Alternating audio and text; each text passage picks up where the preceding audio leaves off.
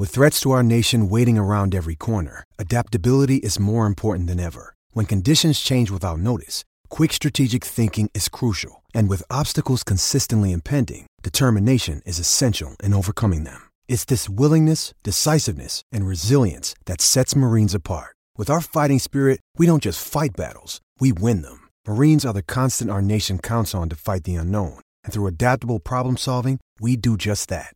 Learn more at marines.com. James. Then Carter for Dirk. Five seconds. Dirk for three.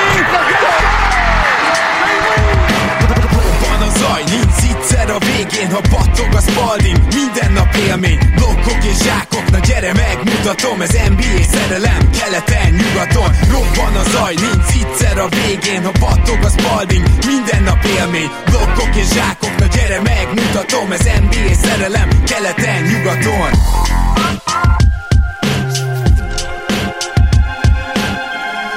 Éj jó! Szép jó napot kívánok mindenkinek, ez itt a Keleten-nyugaton podcast, és annak is a nagy diátadója, ahol most ugyan még két nap hátra van a szezonból, de úgy éreztük, hogy egyrészt mivel amint bezárul a szezon, rengeteg podcastet fogunk elkészíteni, szinte naponta sorjáznak majd, másrészt pedig, mert már nagy változás nem lehet, kiosztjuk a díjakat.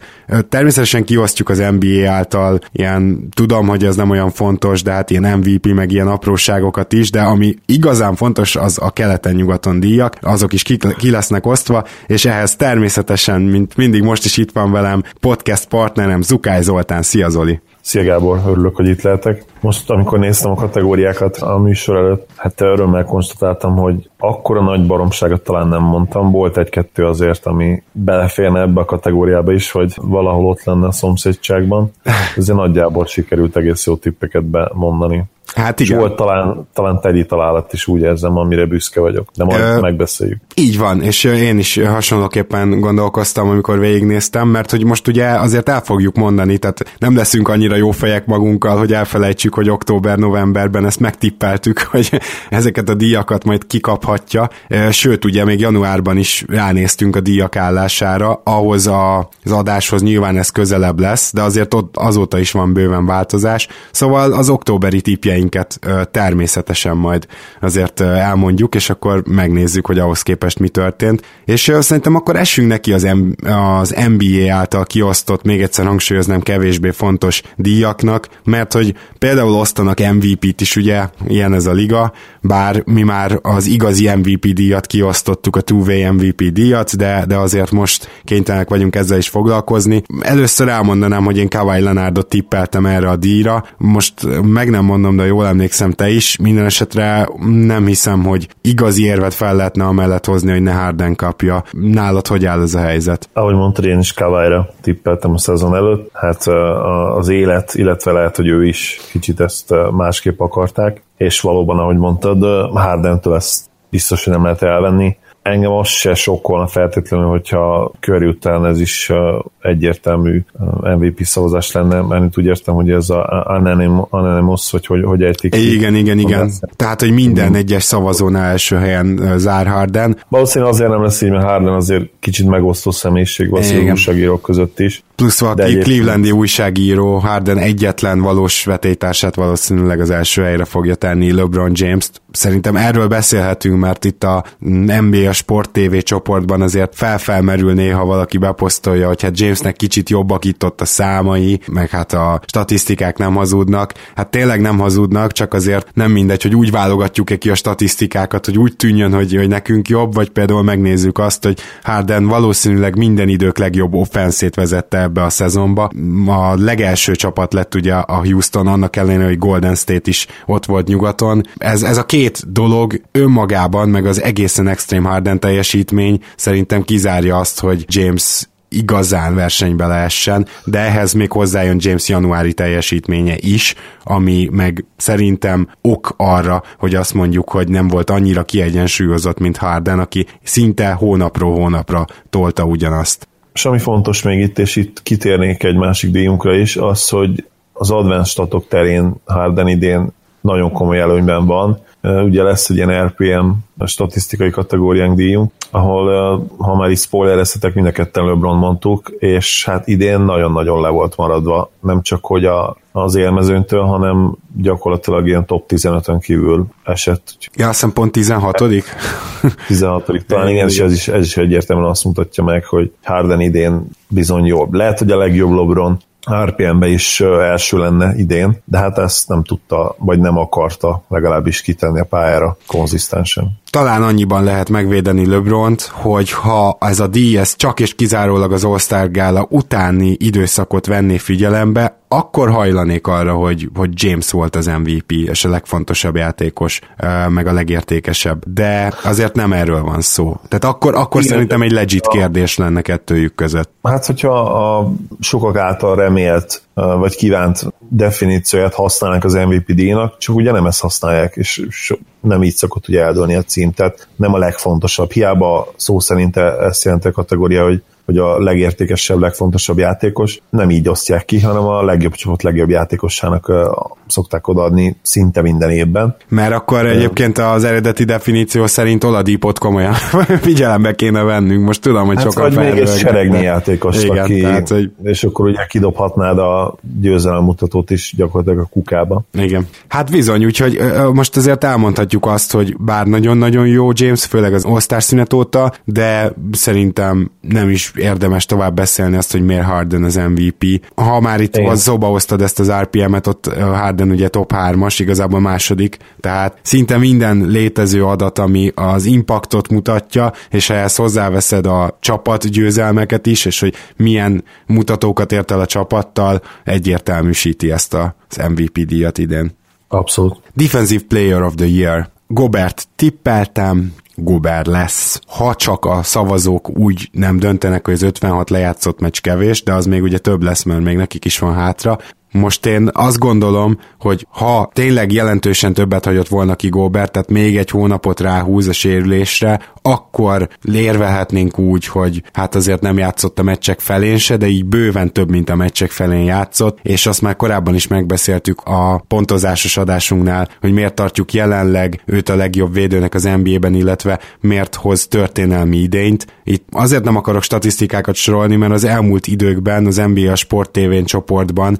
rengeteg kijött ilyen összehasonlítások is Embiiddel és Horforddal, és teljesen egyetértek, hogy velük hasonlítsuk össze, nálam is a második és a harmadik helyezett Embiid és Horford, de Gobert kiemelkedett idén, és amikor ő pályán volt, akkor a jazznek is egészen fantasztikus számai vannak. Persze tudjuk jól, hogy ott tényleg nagyon jó védők is vannak Gobert körül is, de ettől függetlenül azt gondolom, hogy nincs olyan ö, esetőség, hogy azt mondjuk, hogy nem Gobert a legjobb védő idén, maximum, hogy azt mondjuk, hogy hát túl keveset játszott, tehát csak ez az egyetlen egy faktor, ami miatt a második helyezett Embiidre tenném a voksomat, de én nem teszem. Én annak Gobertet, Green-t és Leonardot mondtam. Green meglepően gyenge szezont hoz le, mint a hirtelen elvesztette volna az atletikusságát. Leonardról ugye tudjuk, már beszéltünk róla, hogy mi történik vele, de Gobert volt nálam is a győztes, és azt gondolom, hogy teljesen egyértelmű most már a győzelme, így, hogy Embiid is kihagyott mostanában jó pár meccset, és ugye már nem is fog játszani az alapszakaszban. Plusz ugye, hogyha nem meccsek alapján, hanem játszott percek alapján nézed, akkor még kisebb a különbség köztük, és pont emiatt, és azért, mert egyébként minden statisztikában szinte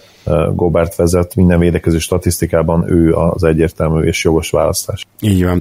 Most improved player, vagyis legjobb, legtöbbet fejlődött játékos. Hát Willi Colistein tippem nem jött be. Felsoroltam még Húdot, uh, Turin Prince-t, akit most is meg fogunk szerintem említeni, mert az egyetlen olyan tippem, már csak ezért is az egyetlen olyan tippem, akire egyetlen lehet gondolni itt. Uh, Gary Harris, Turner, Gobert, aki szintén azért uh, szerintem felsorolható, Nurkicsot és Mudiét, tehát én ezeket írtam fel annó, Mudiét inkább csak poénból, meg hogy van onnan fejlődni. Ezt a díjat el fogja vinni Oladipo, uh, beszéltünk is erről, nem kell részletezni, hogy miért uh, gyakorlatilag két szintet lépett feljebb a tavalyihoz képest, és és ráadásul emellett védekezésben is elit mutatókat hoz, de akkor zárójelben megemlíteném, hogy Turin Prince, Clint Capella, Fred Van Vliet, és akár Jalen Brown, az a négy ember, akit még szóba hoznék itt ennél a díjnál. Nálam Ingram nyert, azt gondolom, hogy ő is egész szépen tudott fejlődni, beszéltünk róla sokat az elmúlt hónapokban, Mármint, hogy Nekem tehát Ingram, Ingramot tippelted.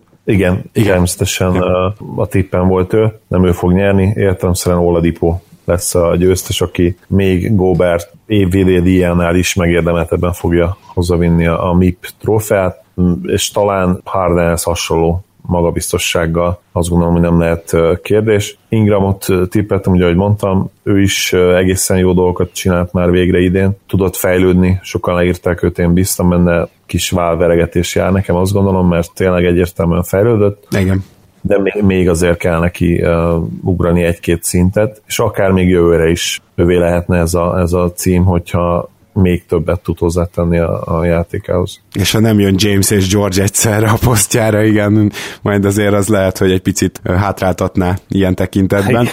Igen, az átíratná kicsit a forgatókönyv. Igen. Six Man of the Year, hát Eric Gordon tippeltem, Tyreek Evans-szel, Teodosic-sal, és egyáltalán elfelejtettem Lute még megemlíteni is, úgyhogy ez nagyon mellé ment, mert hogy Lou Williams gyakorlatilag szerintem ez is egy unenemy ez egyértelmű díj lesz. Ugye itt megemlíthetnénk még Fred Van Vliet-et, Roziét, Dinvidit és Will Bortont is ide kéne sorolni mindenképp, de én igazából csak Fred Van Vliet-et akarom megemlíteni, mert Rozié akkor volt igazán jó, amikor bekerült a kezdőbe, és az alatt. Dinvidit tök ugyanez. Tehát ők a padról nem voltak olyan jók, mint Van Vliet, de igazából Van Vliet sem rúg labdába ahhoz képest, amit Lou csinált, úgyhogy szerintem itt egyértelmű, és megint csak egy kérdés nélküli díjról beszélünk. Nem lehet kérdés, ugye 19 meccsen kezdett idén eh, Williams, hiába játszik ugye kezdő perceket, nem, nem kezd, talán mostában kezdett pár meccsen, ez valószínűleg saját kérés is, hogy, hogy kvalifikáljon egyértelműen erre a díjra, és nagyon simán hozzá is fogja vinni. Én Crowdert mondtam egyébként a szezon előtt, illetve Teodosicsot még, aki szintén egyébként jól játszott, és védekezésben is meglepően jó volt ahhoz képest, amit vártunk tőle. Egy másik díjunknál épp azért nem ő lesz, azt gondolom, a győztes. Igen, viszont hozzáteszem, hogy már elhangzott az én győztesem, a tiéd is? Annál a díjnál. Az enyém ugye, hát jó kérdés, most én nem tudom. Jó, majd Szerintem... ha odaérünk, akkor visszatérünk rá.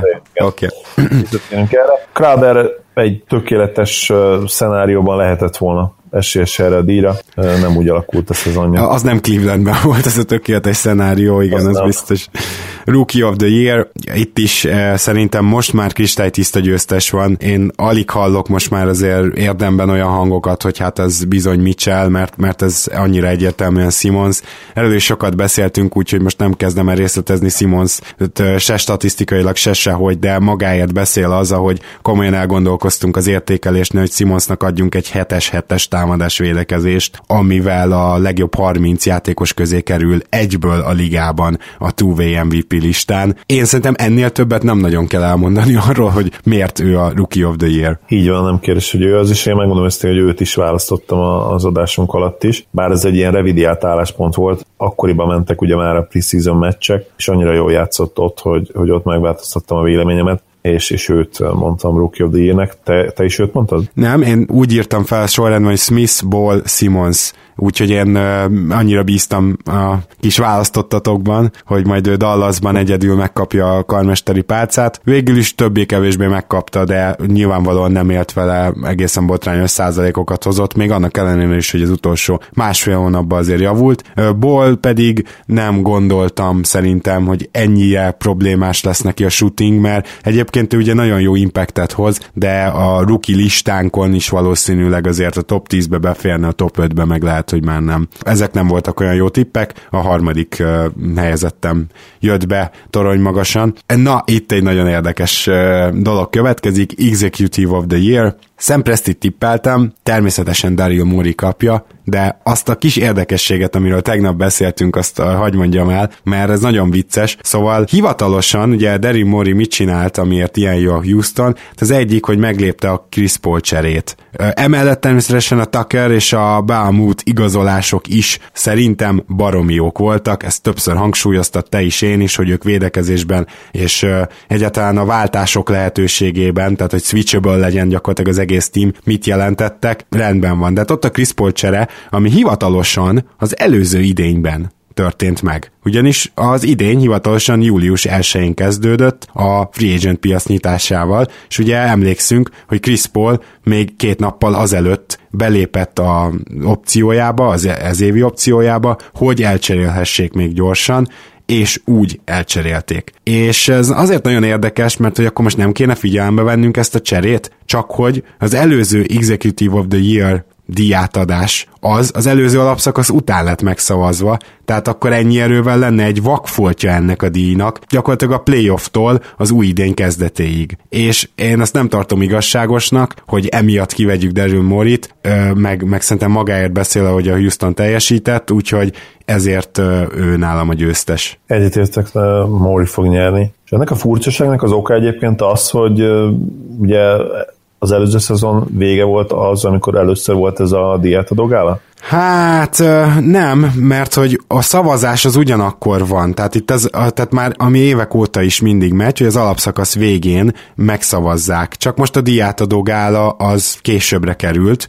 de ettől függetlenül ugye amikor szavaznak, akkor csak az az előtti időszakra tudnak visszagondolni, és az az előtti időszak az pedig ugye elvileg a szezon kezdetétől odáig tart, tehát itt kialakul egy ilyen két hónapos vakfolt. Most mindegy is, mert maga a Chris Paul csere nem az előző idényre volt hatással, ezt elmondhatjuk, hiába az előző idénynek hivatalosan az utolsó két napjába történt, hanem erre az idényre.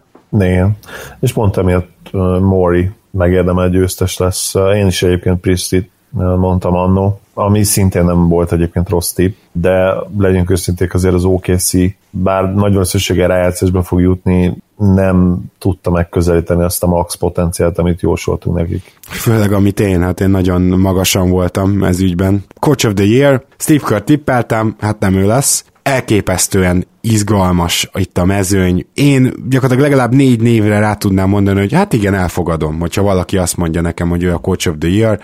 Már korábban is említettem, hogy nálam Casey lesz, csak az a baj, hogy nagyon nehéz így megmagyarázni, hogy Raptors Drucker vagyok, hogy szerintem a zsigeri reakció erre lehet, hogy az, hogy hát igen, mert Raptors Drucker pedig nem, hanem azért, mert én szerintem, amit Casey csinált a Raptorzzal, hogy gyakorlatilag egy fél szezon alatt, sőt egy negyed szezon alatt, mert csak az elején szenvedett ezzel a Toronto, újraélesztette a támadást, egy új rendszert próbált ki, amivel franchise rekord lett és keleti első hely, és ráadásul azért most itt az elmúlt időkben, amikor megverte a Boston a raptors akkor mondták, hogy hát igen, azért mégiscsak Stevens a Coach of the Year, de aztán utána három nappal már nem hallottam a fordított hangokat, amikor a Raptors teljesen szétkapta a Boston, de darabjaira, teljesen levédekeztük őket. Na mindegy, csak mondom, hogy igazából végül készínél kötöttem ki, és aki bele akar kötni, nyugodtan kössön bele. Mielőtt elmondanám, hogy kik voltak a többi jelöltek, még Stevenson kívül, akár te is elmondhatod, vagy egyelőre mondd el azt, hogy ki nyert nálad nálad? Megmondom őszintén, hogy én itt nem tudtam választani igazából, illetve ha választanom kell, akkor Stevens mondanám, már csak azért is, mert én ugye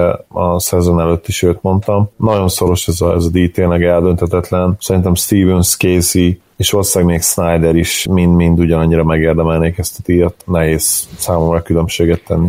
Hát és akkor még nem beszéltünk Stotzról és Macmillanről, ami még durvább, hogy őróluk úgysem beszéltünk, mint top 15 coach a, a egyzőket sorba adásunkban. Mégis azt kell, hogy mondjam, hogy amit az Indiánával meg tudott csinálni Macmillan, annak ellenére, amit tudtunk róla és az ő egyzői stílusáról, és még inkább, amit Stotz megcsinált a Portlanddel, egy olyan egyző, akinek a kezei alatt eddig nem nagyon voltak jó védekezések, és most Nurkic köré egy olyan védekezés rakott össze, hogy Nurkic liga elit védőnek tűnik játék, ami szerintem túlzás, tehát hogy ennyire ő nem jó védő, viszont ő azért elég jó védő, és ehhez egy valószínűtlenül jó defense-t össze tudtak rakni, tehát hogy az a csapat ilyen top 10 környékén van defense most már ugye kicsit visszaestek, az, az egészen hihetetlen, főleg az elmúlt évek fényében, és ez eredményt is hozott. Úgyhogy legalább ez az öt név van szerintem, aki tényleg érdemes elgondolkozni. Egyetértek is uh, Macmillan kapcsolatban pikáns az, hogy róla annó már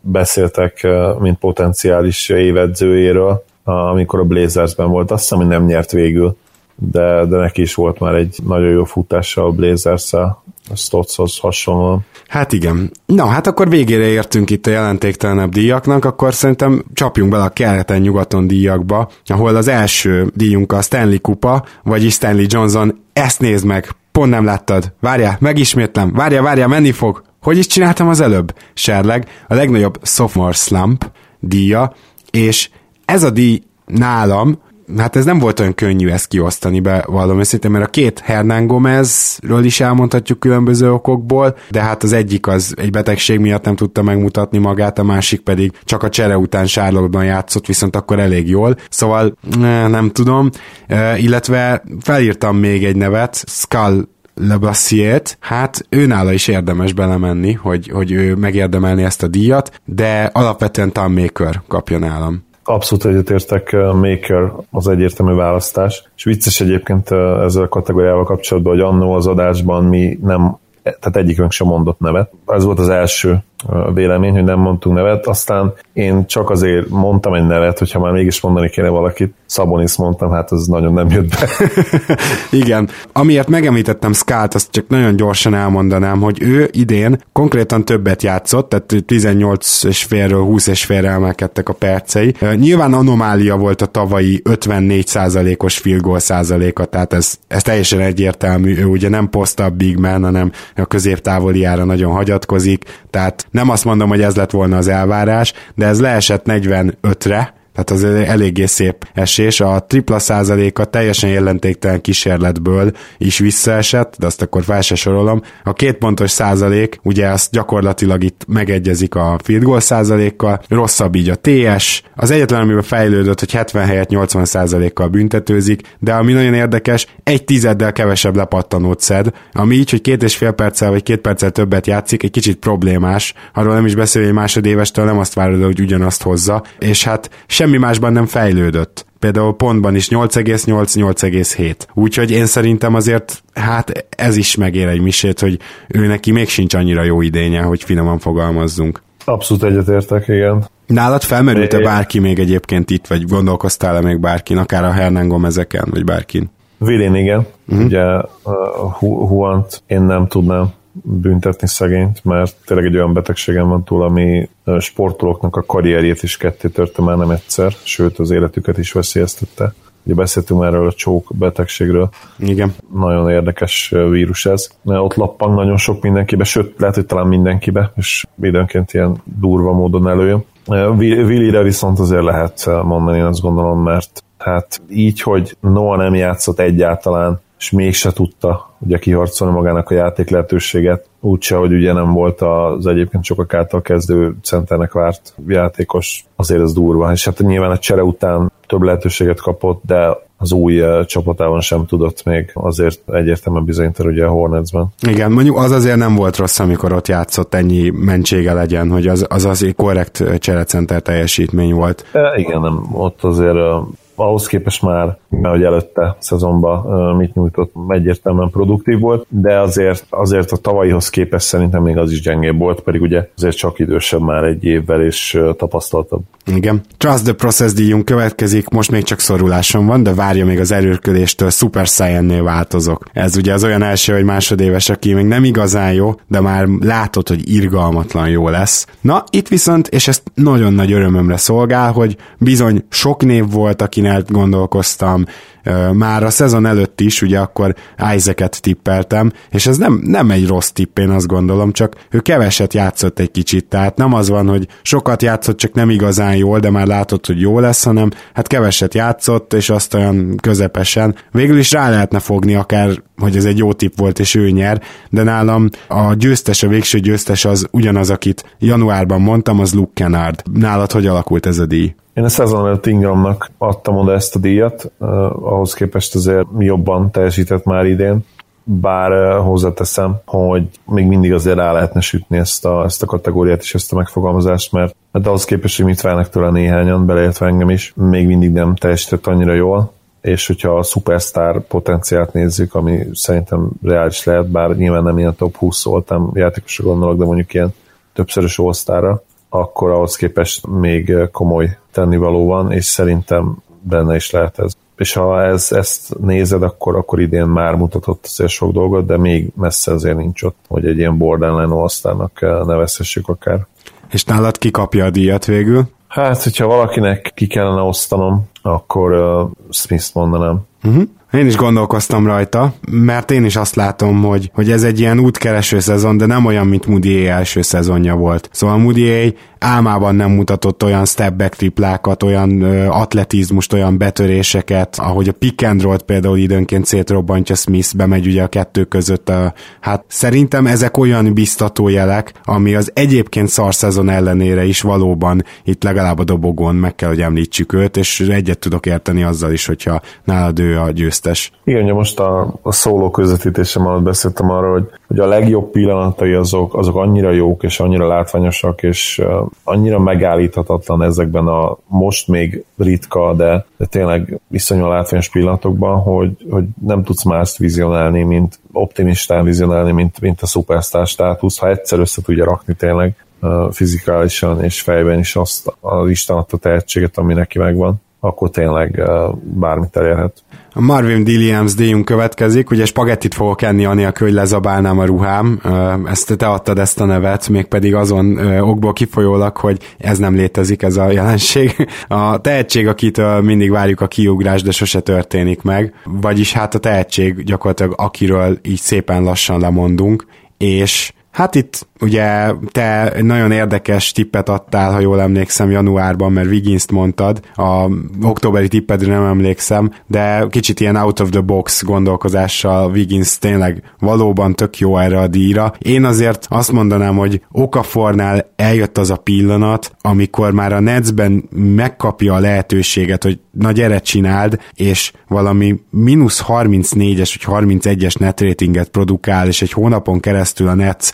a nem tud nyerni, amíg őt próbálgatja. Ez egy olyan csapás, hogy, hogy gyakorlatilag ennél jobban nem létezik, hogy lemondja egy játékosról, bár Moody nálam versenyben volt tekintettel arra, hogy miután átkerült New Yorkba és megkapta a lehetőséget, valami egészen botrányosan játszott, de, de okafornak osztottam ki ezt a díjat. Szintén nem kérdés, ez is egy olyan díj volt, ami ma már azt gondolom egyértelmű kell, hogy legyen. A szezon előtt ugye mind a ketten hezonját mondtuk. A horvát azért mutatott most olyan dolgokat, amik arra rengeteg következtetni, hogy ő minimum egy egyéves szerződést meg fog kapni valakitől, és, és lesz még esélye, azt gondolom bizonyítani az NBA-ben. Hú, nekem ez annyira a Spurs, már bevontam a Hezonja Spurs elméletemet podcastbe, vagy még most mondom először? Nem, nem, nem rémlik, de egyébként nem rossz. Nem rossz Imádnám. Igen. Okaforra kapcsolatban már ebben sem lehetünk biztosak, hogy tényleg egyáltalán valaki ad, ad neki még egy esélyt. Azt hiszem, hogy uh, ugyanolyan helyzetben van, uh, mint, mint a többi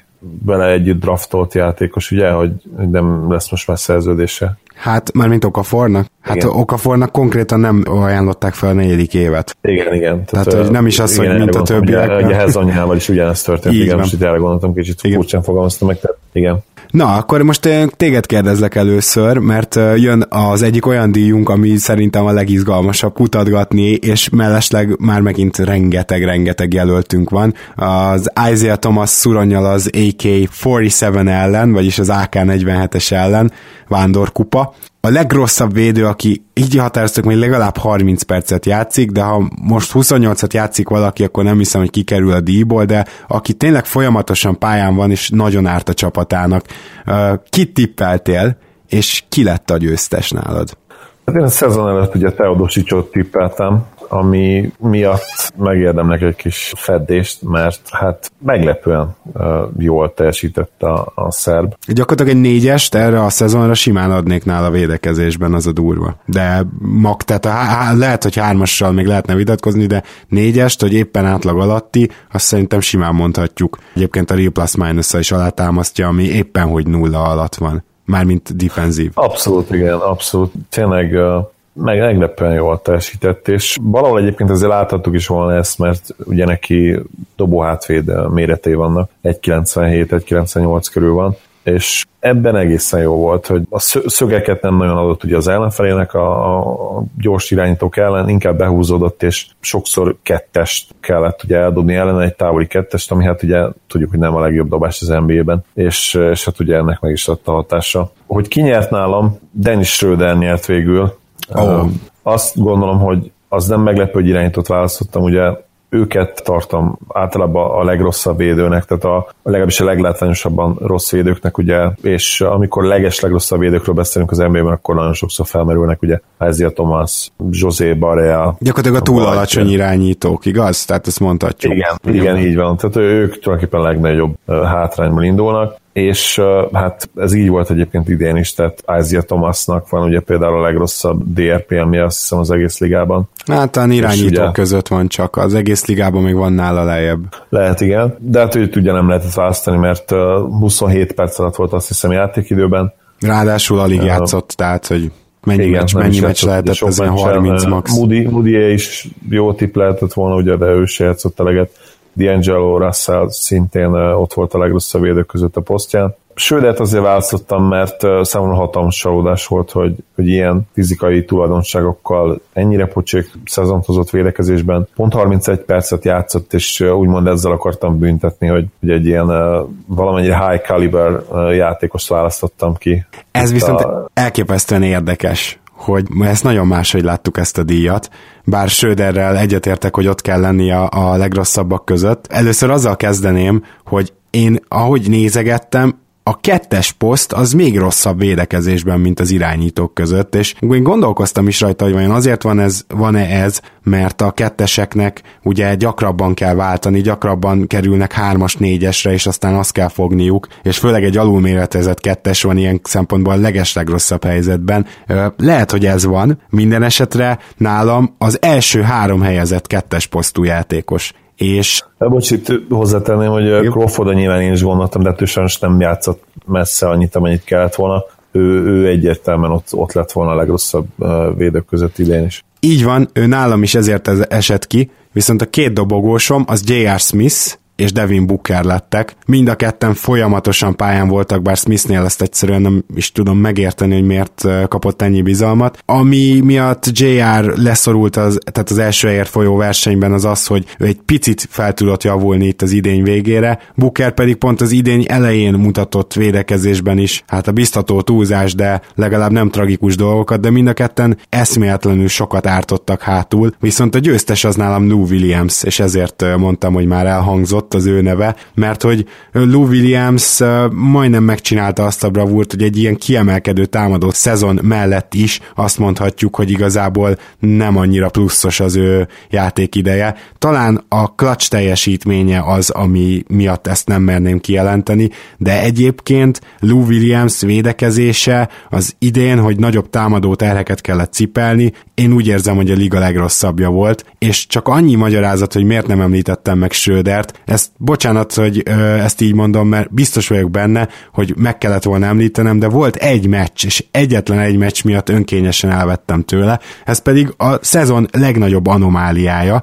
Az Atlanta fogadta a abszolút red hot jazz és Schröder odament Budenholzerhez a meccs előtt, és megkérte, hogy hagy fogja már ő Mitchell-t. Teljesen leradírozta a pályáról, dobott 40 pontot, és a Hawks megverte a jazz-t ez messze a legnagyobb anomália szerintem ebbe a szezonba, és ez az egy meccs, ez nekem elég volt, hogy itt most ne férjen fel a dobogóra. Igen, ez nem rossz egyébként, emlékszem erre, mérkőzésre beszéltünk, azt hiszem az egyik podcastben is erről. Viszont akkor el, emiatt érvelnék, hogy akkor, akkor még jobban megérdemli azt, hogy hogy benne van. ezt a címet. Igen. Hogyha egyébként így tudott volna, ha akar. Egyébként a típjeim közül a Liar McCallum páros egyértelműen jobb volt idén, mint vártuk. Jordan Clarkson, na, az ő védekezése az azért ott van a legrosszabb tízben, azt szerintem mondhatjuk. Zach Én Levin... mondtam Clarkson-t egyébként Teodosics mellett. Igen, és Zach Levint és Harden tippeltem, Levin nem játszott eleget, bár amikor játszott, akkor nem volt jó, és Harden pedig egyértelműen fejlődött idén.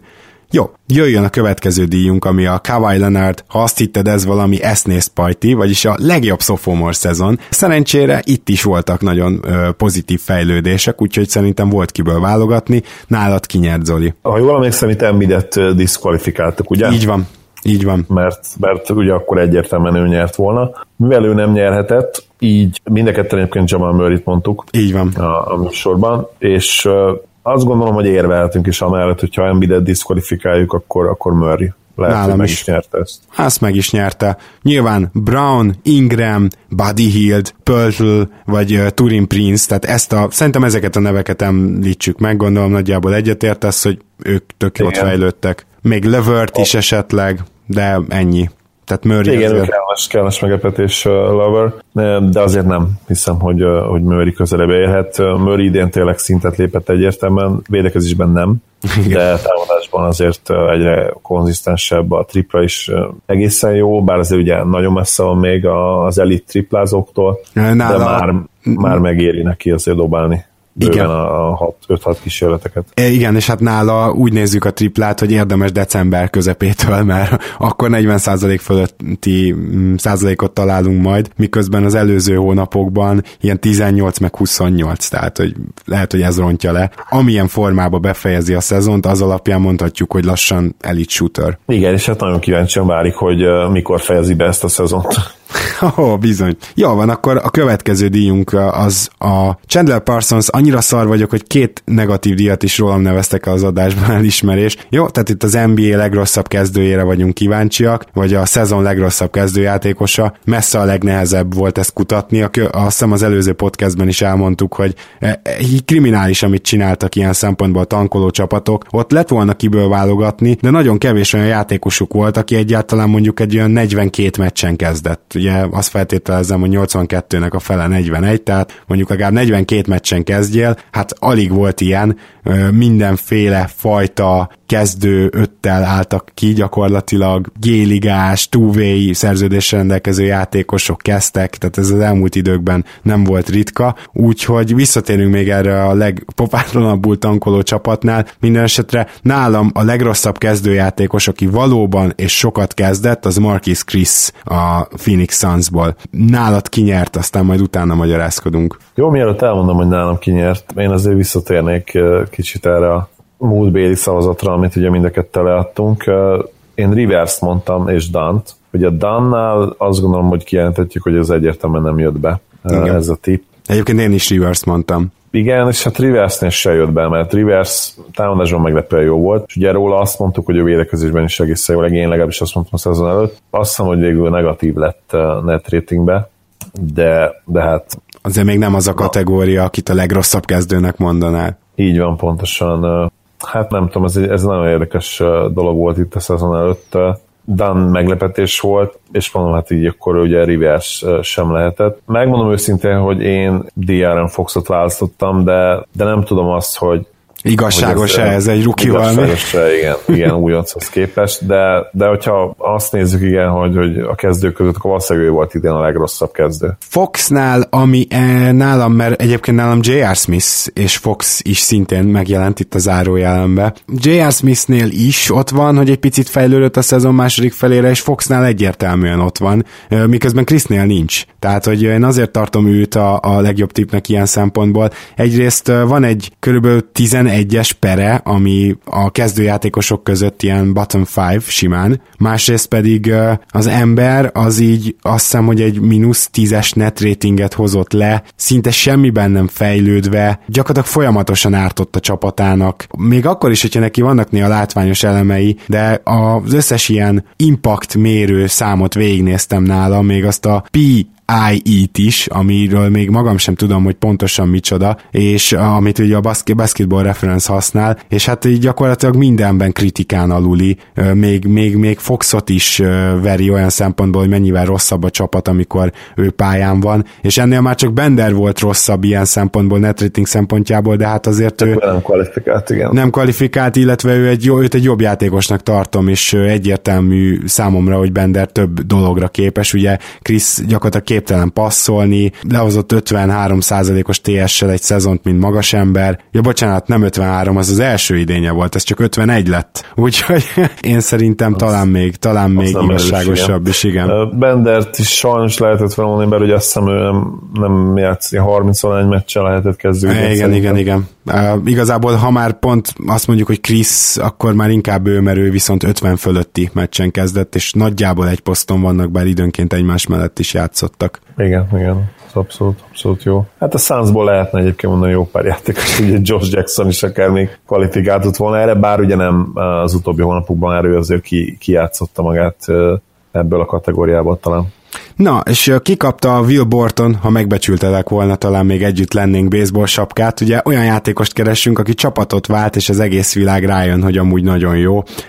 Ez egy elég egyértelmű díj, nem? Tehát itt inkább a dobogóról érdemes beszélni, hogy kit lehet még megemlíteni. Igen, hát ugye gondolom Oladipóra gondoltál itt. természetesen. Igen, természetesen ő megnyerte ezt a kategóriát is, ugye egy másikat is megnyert, azt, azt már ugye mondtuk, ugye a Most Improved Player-t is, igen. Én még Rikit is említeném itt, pont a minap olvastam egy nagyon érdekes összehasonlítást, hogy az utóbbi hónapokat tekintve már floor spacerként is jobb Rubio, mint, mint Tig, és most akkor tulajdonképpen összegezik, hogy mi történt. Elcseréltél egy jobb szerződést, egy jobb védőt, egy olyan csapatból, ahol a védekezésre szükséged van elég erőteljesen, egy olyan játékosért, aki többet keres, sokkal rosszabb védő, és most már kimondhatjuk, hogy gyengébb floor spacer is az utóbbi időben, szóval egészen hihetetlen baromság volt ez a Minnesota részéről. És hát...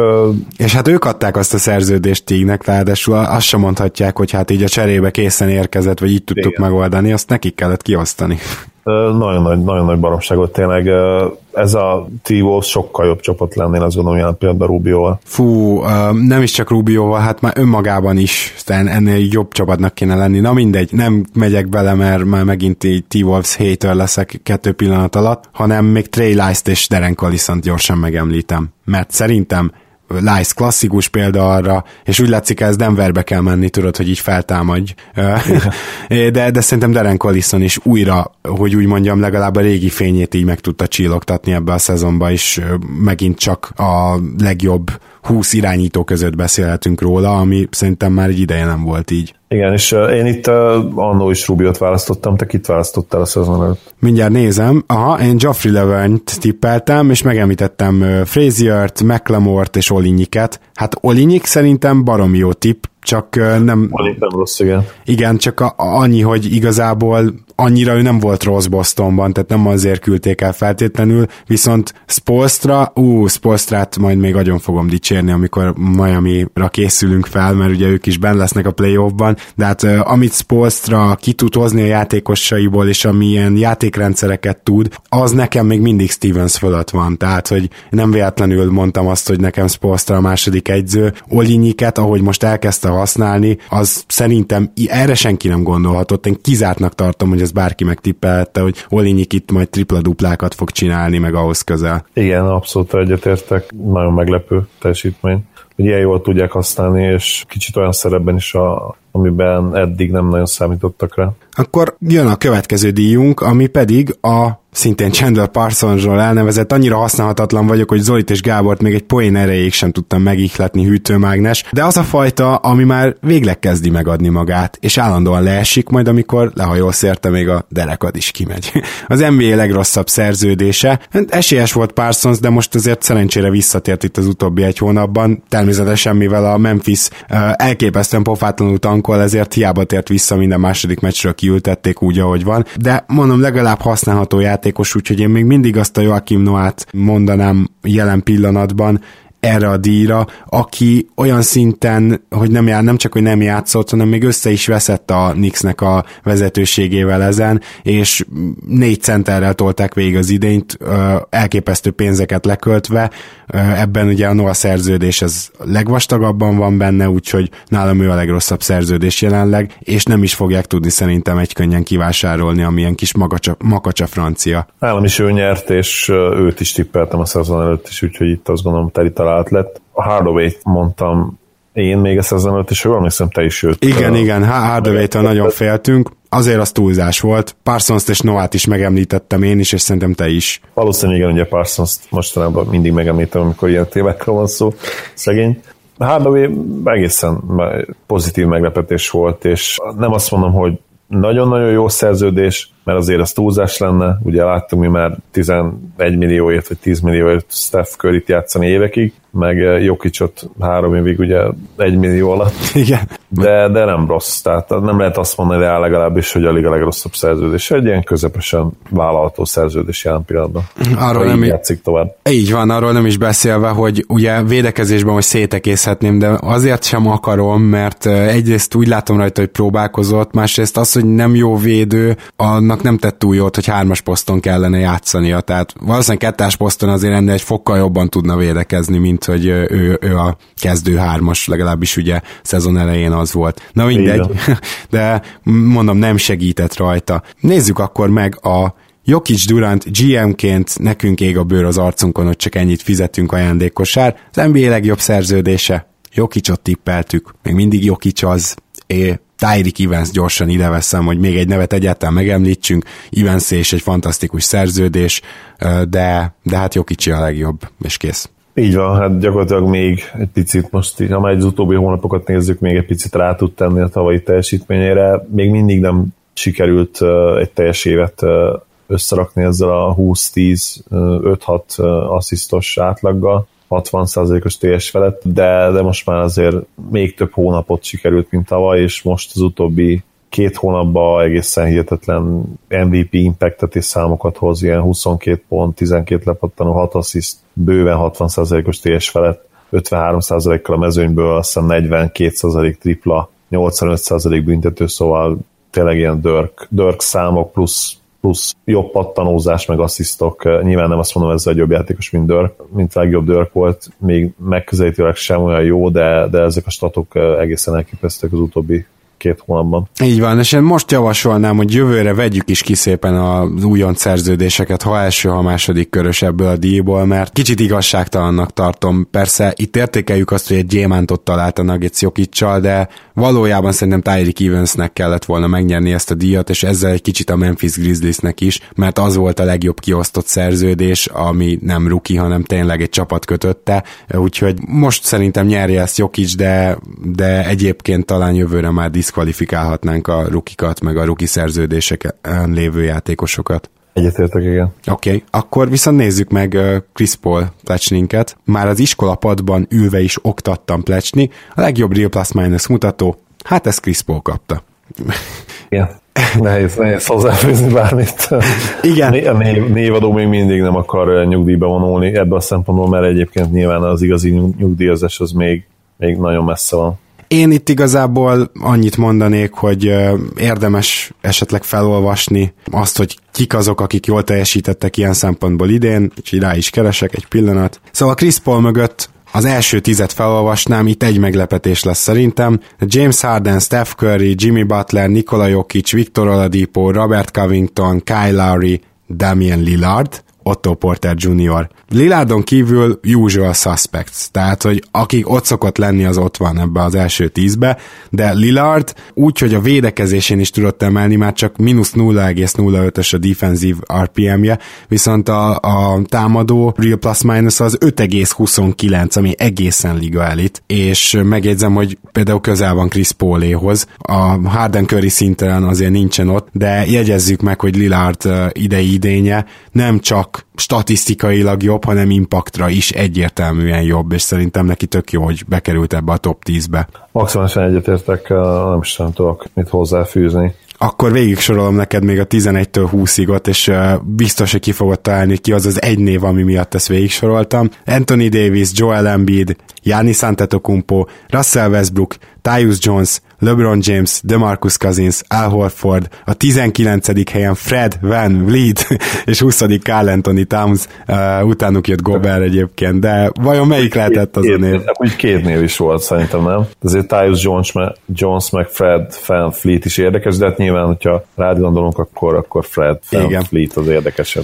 Hát Jones ugye azért érdekes, mert egészen döbbenetes defensív real plus minus hoz, főleg irányítóként, de hát azért azt láttuk, és emlékszünk rá, hogy amikor Tig sérült volt, akkor a Minnesota jones olyat futott, meg az a kezdő ötös az olyan fantasztikus net ratinggel rendelkezett, hogy, hogy akkor is komolyan elgondolkoztam, hogy ez a Tig igazolás még bejöhet-e, csak akkor még éppen egy picit jobb volt a Minnesota. Na mindegy. De Fanfleet az, hogy top 20-ban van csereirányítóként a Real Plus Minus listán, hát megmelengeti a szívemet. Maradjunk ennyiben, és menjünk is tovább természetesen. Már itt a vége felé közeledünk, ugye gyakorlatilag alig van már díj, ami úgymond személyes díj, de ilyet, ennek mondhatjuk a Rolly Massimino That Escalated Quickly emlékérmet, ami a leghamarabb kirúgott egyző díja, és ez ugye CJ Watson, illetve van itt még egy olyan díjunk, hogy Darko Milicic, amikor annyira rossz emlék az NBA, hogy a 30 éves korod után elkezdett kickbox karrier, vagy egy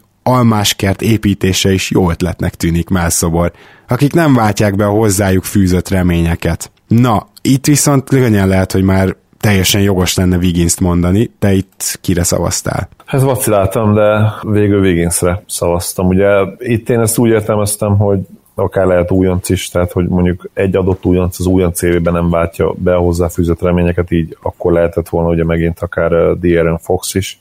Valóban több értelme van talán ezt úgy definiálni, hogy egy olyan játékos, akinek már több lehetősége volt bizonyítani, és hát ez, ez akkor lehet, hogy megint Wiggins, vagy most a végévén sem Wiggins, mert úgy érzem, hogy nagyon sok, mert úgy érzem, hogy több ilyen hasonló kategóriának is gyakorlatilag Wiggins a névadója, vagy a nyertese. Igen. És lehet, hogy az NBA legnagyobb örök ígérete jelen pillanatban. Igen, de ugye azt semmiképpen nem adhatjuk neki oda azt a buzz díjat, amit Okaforéknak, mert nyilván uh, Wiggins azért játékos lesz itt az NBA-ben. Ha, ha rukiknál kéne ilyet tippelni, akkor egyébként én a senkire tippeltem, és senkinek nem is osztanám ki ezt a díjat. Úgyhogy hát ezzel a díjjal szerintem majd még jövőre úgy jövünk vissza, hogy kicsit pontosítjuk. Aki, ja igen, a Wow díj, azt uh, igazából Zoli, ha te olvasnád fel, akkor lenne értelme, úgyhogy ezt most nem olvasom fel, de ez nem gondoltuk volna, hogy ennyire jó díj. És hát itt aztán, tehát aki gyakorlatilag aki idén belépett az elitbe, itt aztán bőven voltak jelöltek. Én Kánlit és Gobert mondtam, és igazából a díjat Embiid nyerte Oladipo, DeRozan és Gober előtt nálam, de azért annyira jó, hogy négy ilyen nevet fel tudunk sorolni, akik idén tényleg szintet léptek. Nálam ezt is Oladipo nyerte, megmondom őszintén, és érvehetnénk a mellett, én az úgy érzem, hogy Embiid már tavaly is jó volt. Hogy jobb, hát igen, jobb választás, mint Embiid, mert Embiid már tavaly is megmutatta, hogy ő belőle gyakorlatilag szupersztár lesz, szupersztár impactja volt már ugye az újon cv is szinte csak hát nem tudott ugye eleget játszani, meg, meg főleg ugye perclimiten volt. Oladipóról viszont nem gondolta senki, hogy akár megközelítőleg ilyen jó játékos lehet. Ugye őt all sem gondolták. Ugye ehhez képest ide nem all szintre lépett, hanem az all szint felett valahol a all és a superstar között van jelen pillanatban. Úgyhogy szerintem ő érdemli meg ezt a díjat. Én a szezon előtt egyébként Harrison Barnes mondtam, hát ugye, de akkor is egyébként ezt itt kifejtettem, hogy nálam ugye ezt az elit az nem feltétlenül azt jelenti, hogy most akkor valakinek top 10-es játékosnak kell lenni. Az elitet értelmezheted úgy is, hogy top 40, vagy akár top 50 az NBA-ben, vagy értelmezheted úgy is, hogy a top 3 NBA-ben, úgyhogy ez egy nagyon tág. Én azt vártam tőle, hogy a tripláját kicsit fejleszti, hát ebből nem lett semmi, gyakorlatilag tök ugyanaz a játékos, aki tavaly volt, úgyhogy Barnes le is lehet írni, mint első számú opciót, mert egyértelműen a liga egyik legrosszabbja ebben. A csapatdíjaink jönnek, tehát és a Blazers féloldalas vagy, mint a kamionsofőr barnulása díjunk, az pedig annak állít emléket, hogy a Blazers évekig volt az, aki elképesztően jól támadott, és nem tudott védekezni, szóval a támadás és védekezés közötti legnagyobb különbség helyezésben, és hát itt érdekesen alakultak a dolgok, mert a Cleveland Cavaliers annyira rosszul védekezett, és igazából még a mostani futásuk alatt sem sikerült olyan kifejezetten jó védő teljesítményt letenni az asztalra, hogy ötödikek, vagy negyedikek, ötödikek azt hiszem támadásban, de 29-ek továbbra is védekezésben, ez pedig azt jelenti, hogy ők nyerik ezt a díjat. Itt egyébként hatalmas verseny van, de már úgy csekkolgattam, ha csak nem lesz valami extrémitás az utolsó három napban, akkor ez nem fog megváltozni. Viszont a Minnesota meg a Denver két olyan csapat, akit mind a ketten megemlítettünk, a Jazz tippeltem ugyan győztesnek, de a Timberwolves-t és a Denver Nuggets-et is megemlítettem, szóval ők mind a ketten közel vannak ehhez. Őnáluk is ilyen 22-3-4-es különbségek vannak. Én is a Nuggets mondtam győztesnek, és hát ugye a Cavs nyert végül. Mint ezt mondtad. Nem rossz tipp a Nuggets, úgyhogy azt gondolom, hogy itt sem kell szégyenkeznünk. Igen, Max a Nuggetsnek, hogy megint nem tudott egy normális védekezést összerakni, de mondjuk én a Minnesota helyében ennél is jobban szégyelném magam, hogy ők, ők is ismét nem tudtak egy normális védekezést összerakni. A következő díjunk az a Timberwolves. Jó lesz, jó lesz, jó lesz, nem lett jó plakett, a legnagyobb pofára és az elvárásokhoz képest. És hát szerintem ez simán a Memphis nyeri. Igazából náluk a ö, elvárás az a playoff volt. Azt értem, hogy ennyire nem rosszak, tehát elképesztő, hogy hogy tankolnak, ez még előjön hamarosan, de ettől függetlenül is egyértelmű pofára esés, még Kánli sérülésére sem tudnám ráfogni, hogy olyan rossz sorozatba kerüljenek, mint amiben novemberbe kerültek, és ezért nálam ők nyerik a díjat. Nálad? Nálam is ők nyerik a díjat, és vicces volt, amikor visszahallgattam az adást, akkor így külön kiemeltem itt a Memphis, hogy hát nem tudom elképzelni, nem értem, hogy hogy mondhatják azt, hogy, hogy ők nem jutnak be a play hát nem ismerik a Grizzlies, és abszolút egyetértettél. Hála az égnek hozzatettem azt, hogy Természetesen, hogyha Kánli és Gasol is kidőlnek, akkor nyerhetnek akár 12 meccset is, úgyhogy szerencsére itt be, bebiztosítottam magam, és, és hát tényleg, tényleg ez történt, mert azt gondolom nem lehet kérdés, hogyha Kánli végig egészséges, és Gasol is, és akkor nyilván nem pihentetnek senkit, Evans is maradt volna ott ugye a rotációban, akkor szerintem megint play lettek volna, de nyilván sose tudjuk meg. Igen. Viszont lehet, hogy egy nagyon jó kis tankolós idényt hoznak így, ami egy év alatt kicsit újraép, újraépítheti ezt a franchise-t. Jövőre brutális lehetne, hogyha pár mondjuk ledraftolják Doncsicsot, képzel uh, mondjuk így... egy Kanye Doncsics, Brooks, vagy akár Parsons, Gasol, és akkor még valaki ugye... J. Michael Green. Így van, pontosan J. Michael Green kezdőt, hát elképesztő lenne szerintem Doncsicsal olyan olyan életet lehelne ő ebbe a franchise-ba, hogy azon se lepődnék meg, hogy 50 meccsnél többet nyernének. Nagyon érdekes lenne, hogyha ez így alakulna. Nyilván azt remélem azért, hogy a Mavs fog kikötni Doncsics, de hát lehet, hogy sajnos ott már nem lesz bent, ahol mi húzunk a negyedik, ötödik helyen, mert meglátjuk. Egyébként én a szezon előtt a Wizards tippeltem ide, nem tudom, hogy te melyik csapatot. Mindjárt megnézem, hogyha már így elfelejtettem megemlíteni. Én a legnagyobb pofárás és a Timberwolves-tól gondoltam, mivel azt gondoltam, hogy nem jutnak be a playoffra. Erre még van esély, csak ennél még is nagyobb. Igen, ez még bejöhet. A Clippers és a Wizards Wizards és a Portlandet is mondtam. A Clippers mellett nem tudnék érvelni, a Wizards mellett még úgy is tudnék érvelni, hogy mondjuk nyolcadikok lesznek, tehát az sem egy rossz tipp, a Portland megint nem volt jó tipp, viszont a Memphis-t én sem mondtam. A Portland az már soha nem fog együttműködni velünk, úgy néz ki. igen, igen, igen. A szarból várat Párizsiból pedig kerítést fogunk építeni egyzői oklevél, a csapat, amiből sokkal többet hoz ki az egyző, mint gondolnád. Ez egyszerre egyzői és csapatdíj is, és nagyon örülök neki, ugyanis ezt az Indiának kapja és Nate McMillan. Én szerintem nagyon egyértelmű, sőt ezzel ők egy másik díjat is visznek majd nálam, mert hogy őket nem vártuk egyikünk se playoffba, és nem, hogy bejutottak a playoffba, hanem egy talentben egyébként nem rossz Washington Bucks Heat hármast magabiztosan előznek, és az majdnem az utolsó fordulókig teljesen re- reális esélyük volt arra, hogy harmadikok legyenek. Hát ennél többet ebből a keretből szerintem kizárt, hogy ki lehetne hozni. Akit felírtam zárójában, az még Popovics és Stotz mert hogy ők is sokkal többet hoznak ki a keretből, mint ami benne van, de, de én ezt Macmillannek és az Indiánának adnám. Én is a Pacers-t mondtam a szezon előtt, és nálam is ők nyertek ugye mondtam már, hogy visszahallgattam a műsort, ezt, ezt a mondatot így mondtam ezt szó szerint, van náluk egy olyan tehetség, aki akár egy maga 50% környékére repítheti a csapatot, ami igaz is, csak én ezt a tehetséget Turnernek mondtam. Ez ugye Oladipo lett végül, úgyhogy ennyi, ennyi azért nem stimmelt, de egyébként... Meg az 50% se. meg az 50 se, bár de mondjuk az 50%-ot nem úgy értettem, hogy ugye ott fognak végezni, hanem hogy van egy olyan játékosod, aki akár egy maga ilyen 50% környékére tudna repíteni egy csapatot. Ha hozzátett, persze ezt hozzátettem, hogy Turner úgy fejlődik, hogy gyakorlatilag ilyen tavalyi Embiid impact szintjére eljut, ami persze nem történt meg. Hát az nem. A következő díjunk pedig a Phoenix Suns. Túl jók vagyunk ahhoz, hogy jók legyünk bronzkupa. A csapat, amelyik fölül teljesít, hogy aztán ne jusson playoffba. Na, itt aztán vannak jelöltek, és az az igazság, hogy én annak ellenére, hogy nyugat még nem biztos, ennek ellenére nekem megvan már a díjazottam, az egyetlen biztos kiesünk a Clippers. Én itt ugye az Indiánát mondtam, hogy majd esetleg fölül teljesít, hogy ne jussanak playoffba. Fölül teljesítettek és lazán playoffba jutottak. A Clippersnek viszont szerintem meg lett volna a lehetősége akár arra is, hogy egy kicsit jobban szétkapják ezt a csapatot és tankoljanak, és ezért gondolom, de hát nyilván a Detroit is érdekes ennél a díjnál, már csak azért, mert ők ugye nagyon sokáig versenyben voltak, sőt playoff helyen is voltak, és aztán estek szét, úgyhogy ha nem tudom, te a Detroitot mondtad, de én megérteném őket is, de szerintem a Clippers előtt még ennél is történelmibb lehetőség volt, mint amit most így megcsináltak ezzel a cserével, mert még jobban szét lehetett volna kapni azt a csapatot akár. Igen, én is a Clippers mondtam így, ugye utólag végig gondolva. A szezon előtt egyébként a Mavs-t tippeltem, és ha jól emlékszem, te is a Mavs-t tippelted, vagy lehet, hogy csak a következő Nem, én az Indit, Indiana tippeltem. Itt az Indiana tippet, igen, most mondtad is, a Mavericks-et azt hiszem te is egy másik kategóriánál tippelted. Hál' Istennek nem jött be se itt, se a másik kategóriánál a Mavs. Így van. A következő csapatdíjunkat úgy hívják, hogy emlékszel a 67-68-as 29 győzelmes playoff Bullsra?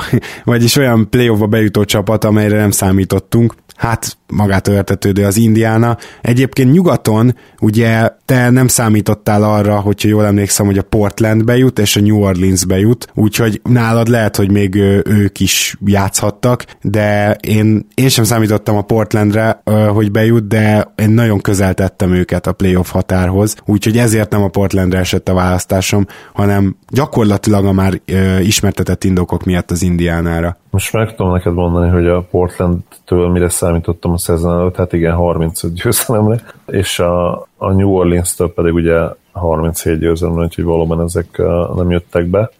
Itt viszont nem ezekre a csapatokra szavaztam, hanem bizony itt a Pacersre. Tehát ez volt a tippem a, a szezon előtt is, amiért szintén bejött, és ugye akkor ők a mostani nyertesek is. Akkor menjünk is tovább, Bledsoe seglenyomatát tartalmazó tornapad, a legpofátlanabbul tankoló csapat. Micsoda verseny volt ezért a díjért. Én szerintem ezt ilyen aranykeretben kell majd kiküldenünk az Egyesült Államokba, amikor kiosztjuk. És hát nagyon sok szempontot fontolgattam, de a Memphis lett a befutó. Egyrészt azért, mert a Memphis egy olyan csapat, amelyik ennél jóval jobb. És tényleg olyan dolgokat csináltak már, hogy ha Gasol játszott, akkor garantáltan nem játszott. Parsons, J. Michael Green, esetleg Evans, tehát ez a hármas általában nem játszhatott együtt Gasollal, és így pihentettek úgymond. Valamint az is, ahogy a Memphisnél minden létező dolgot bevetettek, amikor Gasolnak éppen ilyen 9 per 9 volt a teljesítmény, akkor nem jött vissza a negyedik negyedben. Tehát, hogy minden, amit egyző megtehet, és GM megtehet, azt, azt ők teljesítették Szerintem ők tankoltak legpofátlanabbul. Nálad ki lett a győztes? Hát nálam a Suns azért megnyerte ezt a kategóriát, és egyébként őket tippeltem a szezon előtt is, ha jól tudom, te is őket tippelted a szezon előtt. mindjárt megnézem, hogy kiket tippeltem. Igen, itt én nekem a Knicks, az Atlanta és a Suns volt felírva. Én nem értek egyet azzal, hogy a Suns volt a legpofátlanabbul tankoló csapat. Igen, itt már a végére ők is ilyen géligásokat is játszattak, meg nyilván Dudley meg Chandler nem játszott rosszul, de én szerintem nekik a fiataljaik jelen pillanatban még azért nem olyan jók, mert Booker tényleg szintet lépett, de nem érzem azt, hogy a Suns, hogyha megfeszült volna, akkor itt nem tudom én 30 győzelmet szerzett volna. Tehát, hogy szerintem ez a csapat alapból is szar volt idén, úgyhogy én azt gondolom, hogy a Memphisen kívül még a Dallasra is simán rámondhatjuk, hogy pofátlanabbul tankot, mint a, mint a Suns. Nem tudom, hogy sikerült-e meggyőznöm téged. A mavericks kapcsolatban nem, mert azért ha azt nézed, hogy melyik csapat próbált meg úgy igazán egy meccseket nyerni, akkor szerintem a Mavericksre a legrosszabb mérlegű csapatok közül talán a legkevésbé igaz ez, hogy ők nem próbáltak megnyerni. Uh-huh. Úgyhogy hát lehet, hogy a Grizzlies igen, velük kapcsolatban lehet, hogy meg tudsz győzni. Azért elég sokat pihentettek. Így van. Akkor nézzük meg az egyik kedvenc díjunkat. Hinki díj, megpróbáltuk, most próbáljuk meg kevésbé megpróbálni, hogy kevésbé nagy megpróbáltatás legyen kitüntetés. Az egy csapat, amelyiket idén közben szétkaptak, és ilyen csapat nem volt. De valakire rá tudtad legalább picit fogni ezt? Nem, sajnos nem, pedig uh, ugye több ilyen csapat is, bo- több olyan csapat is volt, akinél ezt meg kellett volna tenni. Nem, tették meg, ugye a Clippersről beszéltünk, mint a legjobb uh, jelölt erre.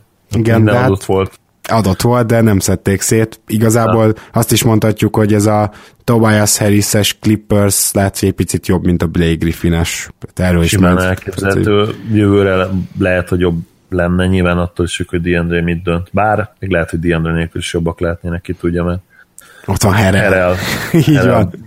Bazinet találmány idén. A Pistons mondtam én egyébként a szezon előtt, én is. azért remek jelöltek voltak, de, de nem. Pedig hát ott is azért legyünk őszinték. Igen. És hát most ehelyett próbálnak majd Blake Griffin köré bajnokcsapatot építeni. Griffin Drummond duo köré, ami hát teljesen esélytelen vállalkozás. Sőt, sőt, az a probléma, hogy playoff csapatot is próbálnak e köré építeni, és még azzal is probléma lesz, mert nem annyira van mozgásterük. Az össze fog jönni jövőre, de most valaki egy pisztolyt a fejemhez nyomna, azt mondanám, hogy beütnek 7.-8. jövőre, de sok köszönet nem lesz benne. Ez tény. És akkor jöjjön a várva vált keleten-nyugaton díj. Keleten-nyugaton mondtam, hogy a kosárlabda evolúciója nem állt meg díj, és ez az a csapat, amelyik egy olyan meglepő játékkal rukkolt elő, amire senki nem számított. És itt most gondolkoztam a Raptorson, de ez nem a játék a meglepő, tehát a Nets is, meg a Warriors is picit hasonlót játszik, mint most a Raptors, hanem, hanem igazából náluk az volt a meglepő, hogy ők így tudtak váltani. Éppen ezért a Boston nyerte nálam ezt a díjat. Boston? Meglettél. Hát azért, mert a Boston védekezése az viszont olyan volt, amire se nem számítottam, se ettől a, a csapattól nem számítottam, úgyhogy a, ő, őtőlük ugye ennyi győzelemre sem, tehát azt hiszem 52 tippeltem, és most már 54-nél járnak, vagy 55-nél, szóval és ezt a védekezéssel érték el, úgyhogy Hayward kiesett. Én ilyen szempontból engem Brad Stevens lepett meg legjobban, hogy egy, egy támadó csapatból egy ilyen jó védekező csapatot csinált. Szerintem meg tudlak győzni, hogy a Rakicot választ inkább. Ugye előjöttek ez a totálisan ISO játékkal, úgyhogy olyan mennyiségű triplát dobnak rá, amire szerintem senki nem számított, tehát 40 kísérlet meccsenként, ez több mint 10 azt hiszem több mint 10 több, mint a második legtöbb triplát rádobott csapatnál. Ők adják a legkevesebb paszt a ligában, legtöbb izó, legkevesebb passz, és azt hiszem a legkevesebbet ők futják védekezésben, és így is valami top 10 top 10-es védekezés talán. És hogyha adjusted-be számolod, talán még feljebb vannak. Tehát egy ilyen totális anomália, és nyilván gyakorlatilag nem dobnak rá középtávolról, ami hát ezt így felsoroltam, szerintem mind, mind az evolúciót mutatja. Tehát ugye az evolúció nem feltétlenül kell, hogy azt jelentse, hogy a békából madár lesz hirtelen, hanem a béka még tovább fejlődik, és én azt gondolom, hogy a Rakic az, az most erősen továbbfejlesztette ezt a békát. Hmm. Hát meggyőztél, azt kell, hogy mondjam. Igen, mert, mert hogy itt igazából a D'Antoni rendszernek nem csak a finom hangolása ez, hanem átalakítása már, tehát ez, ez tényleg egy erős hozzányúlás. Jó, oké, adjuk a keleten-nyugaton díjat a Houstonnak, igazad van. És a szezon előtt egyébként én a Nuggets-et mondtam itt. Hát én meg a pelicans igen, a Nuggets az gram ugyanazt játsza gyakorlatilag, mint tavaly. Kb. igen. Jó, hát akkor mm, az indiánai mentünk volna inkább címerezni a kukoricásba modell traktor díjunk maradt még, illetve még egy új díj, amit ugye bevezettünk azóta. A csapat, amelyik a legértelmetlenebbül lesz 9-10 a konferenciájában. Igazából azt legszívesebben alig osztottam volna ki, de a Hornets tehát odaírtam zárójában, mert mondjuk a Hornets nem úgy volt, mint a Detroit, ugye, hogy sokáig harcban volt a playoffért, akkor természetesen érted, érted, hogy miért lett 9 a Pistons. A Hornets ugye rosszabbul kezdett, és akkor utána indítottak még egy hajrát, és így bejöttek a tizedik helyre a keleten. Lehet, hogyha ott, de az is inkább azt kellett volna azért szétkapják a csapatot, mert annyira viszont nem rossz ez a csapat, hogy tényleg lehessen vele érdemben tankolni, ha csak nem pihentetsz egészen pofátlanul, mint mondjuk a Memphis tette, jó kérdés, mindesetre, ha valakinek muszáj odaadnom, akkor nekik adom oda. Nagyon jó választás, és Charlotte, én is azt gondolom, hogy, hogy ők megérdemlik. Azt hiszem, hogy a szezon előtt mind a ketten a Mavericks-et mondtuk ide, ugye?